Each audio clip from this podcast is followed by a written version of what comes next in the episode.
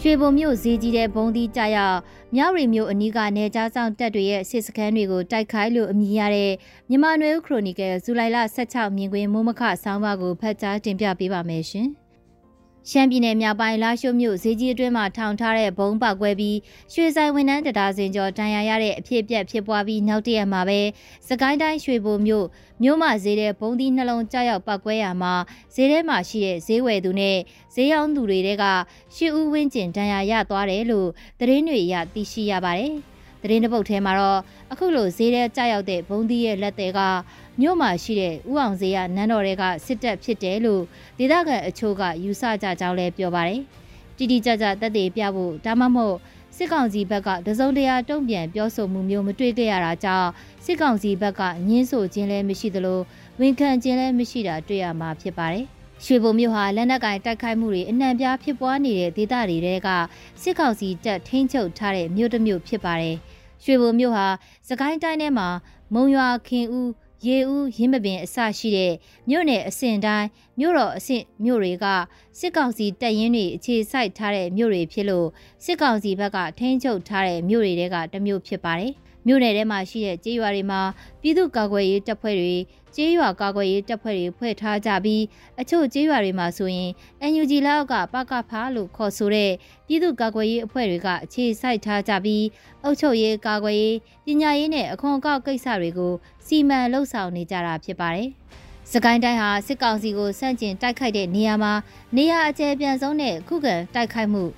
အများဆုံးဖြစ်ပွားတဲ့ဒေသဖြစ်တယ်လို့ စစ်ကောင်စီတပ်တွေရဲ့ဖျက်ဆီးမှုကိုအခမ်းအရဆုံးတိုင်းဒေသတစ်ခုလည်းဖြစ်ပါတယ်။ဆီယနာသိမ်းမှုမဖြစ်ပွားခင်ကိုဗစ်ကပ်ဘေးမဖြစ်ပွားခင်ကစကိုင်းတိုင်းမှာစိုက်ပျိုးရေးမွေးမြူရေးနဲ့ကုန်ထုတ်လုပ်မှုအားကောင်းတဲ့ဒေသကြီးတစ်ခုဖြစ်ပြီးတော့ဒေသတွင်းကတနိုင်တပိုင်လောက်ကင်သူနဲ့အလဲလက်အဆင့်စိုက်ပျိုးသူတွေအဖို့တရုတ်နိုင်ငံနဲ့အိန္ဒိယနိုင်ငံအပြင်အခြားနိုင်ငံတွေကိုစံပဲမျိုးမျိုးနဲ့အသီးနှံတင်ပို့မှုတွေကနေဝင်ငွေရရှိကြပြီးနေဆက်ဒေသတွေအိန္ဒိချင်းနိုင်ငံတွေမှာလည်း အလုတ်သွားရောက်လောက်ကင်ကြသူတွေနဲ့စီကားခဲ့တဲ့တိုင်းတိုင်းဖြစ်ခဲ့ပါတယ်။အခုခါမှာတော့စိုက်ပျိုးရေးလုပ်ဖို့ဒေသမငြိမ်သက်မှုလူလောအားအရေးမြစ်တွေဖြစ်တဲ့လူငယ်နဲ့လူလက်ပိုင်းတွေလက်နက်ကင်တိုက်ပွဲတွေတဲ့ပါဝင်သွားသူတွေနဲ့မပါဝင်ပဲအခြားဒေသတွေအခြားနိုင်ငံတွေမှာအလုပ်လုပ်ကင်ဖို့ထွက်ခွာသွားကြသူတွေနဲ့စကိုင်းတိုင်းရဲ့လူမှုအနေအထားတည်ငြိမ်မှုအနေအထားကြီးကြီးမားမားပြည့်ရင်းနေတဲ့သဘောလေးဖြစ်ပါတယ်။ အဲ့လိုအခြေအနေတွေကြောင့်ကြေးရွာတွေကငွေကြေးအနှဲငယ်ချောင်းလဲသူတွေကရွှေဘိုလိုမန္တလေးလိုမုံရွာလိုမြို့တွေမှာပြောင်းရွှေ့နေထိုင်လာကြတာဖြစ်ပါတယ်။စကိုင်းတိုင်းဟာစစ်ကောင်စီတပ်တွေရဲ့တပ်ဖြတ်မှုနဲ့ဖျက်ဆီးမှုတန်းကိုအခမ်းအရဆုံးတိုင်းဒေသကြီးတစ်ခုဖြစ်တယ်လို့ပဲ NUG ဩဇာကန်မဟုတ်တဲ့ PDF တပ်ဖွဲ့တွေနဲ့ NUG ဩဇာကန်ပကပအဖွဲ့တွေပေါင်းလိုက်ရင်အရေးအတွက်အပြည့်ဆိုရင်စစ်ကောင်စီတပ်တွေထက်တာလွန်မှာအသေးချာဖြစ်ပါတယ်။ ဒါပေမဲ့စစ်ကောင်စီစန့်ကျင်အင်အားစုတွေဘက်မှတခုတည်းသောအမိန်ပေးစနစ်နဲ့လှုပ်ရှားနေတဲ့အနေအထားမဟုတ်ချင်းတနက်နဲ့လက်လုံစိန်ပြောင်းစတဲ့ပျောက်ကြားစစ်လက်နက်တွေအဆင့်ကနေနေရာယူစစ်ဆင်နွှဲနိုင်လောက်တဲ့ရန်နီယာလက်နက်ဤစနစ်မရှိသေးတာလဲတွေ့ရမှာပါအခုလိုခုခံတိုက်ခိုက်အလေးအငိုက်တိုက်ခိုက်တဲ့အဆင့်ကနေနောက်တစ်ဆင့်တက်နိုင်ဖို့အတွက်လက်နက်နိုင်ငံရေးစီးရုံးမှုအမိန်ပေးစနစ်တွေရယူကြီးစောက်နိုင်မှဖြစ်မယ်လို့လည်းယူဆကြတာဖြစ်ပါတယ်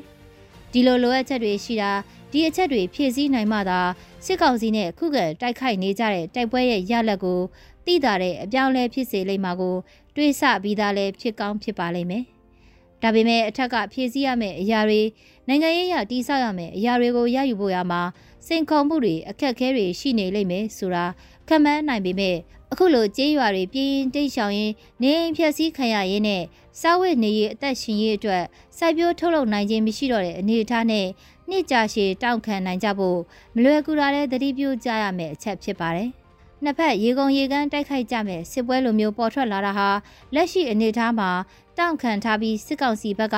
လူရင်းအားနဲ့လက်နက်အင်အားအဆရှိတဲ့အရင်းမြစ်တွေထက်မဖြစ်စည်းနိုင်တဲ့အချိန်ကာလမှာမိမိတို့ဘက်ကလည်းအနာယူဖို့မျှော်လင့်ထားကြတာမျိုးလည်းဖြစ်ကောင်းဖြစ်ပါလိမ့်မယ်။ဒီနေ့ဖို့နောက်တဲ့အကြောင်းအရာတစ်ခုကတော့မြောက်ရီမျိုးအနီးကနေကြားစောက်တက်တွေ နေရာယူထားတဲ့နေမြေစိုးမိုးရေးမှာအရေးကြီးတဲ့ခြေကုပ်စကန်တစ်ခုကို KNU PDF ပူးပေါင်းတပ်တွေကအပြင်းထန်တိုက်ခိုက်နေတဲ့သတင်းဖြစ်ပါတယ်။ညရီနဲ့တိတ်မွေးလာတဲ့လက်ခတ်ကုန်းလို့ခေါ်တဲ့ BGF တပ်တွေတက်ဆွဲထားတဲ့စခန်းကုန်းကိုရရှိဖို့အပြင်းထန်တိုက်နေပြီးတော့စစ်ကောင်စီဘက်ကလည်းအနီးနားမှာရှိတဲ့စခန်းကုန်းတွေကနေလက်နက်ကြီးနဲ့ပစ်ကူနေတယ်လို့သတင်းတွေမှာဖော်ပြထားကြပါတယ် အခုလိုမြရီမြို့နယ်ထဲမှာတိုက်ပွဲတွေပြင်းထန်နေချိန်မှာပဲကရင်ပြည်နယ်နဲ့မွန်ပြည်နယ်အဆက်ကြာရင်စိတ်ကြီးမြို့နယ်ထဲမှာလည်းတိုက်ပွဲတွေဖြစ်ပွားနေသလိုပဲခူးတိုင်းညောင်လေးပင်ခရိုင်ထဲမှာလည်းတိုက်ပွဲတွေပြင်းထန်စွာဖြစ်ပွားနေတာဖြစ်ပါတယ်ရှင်။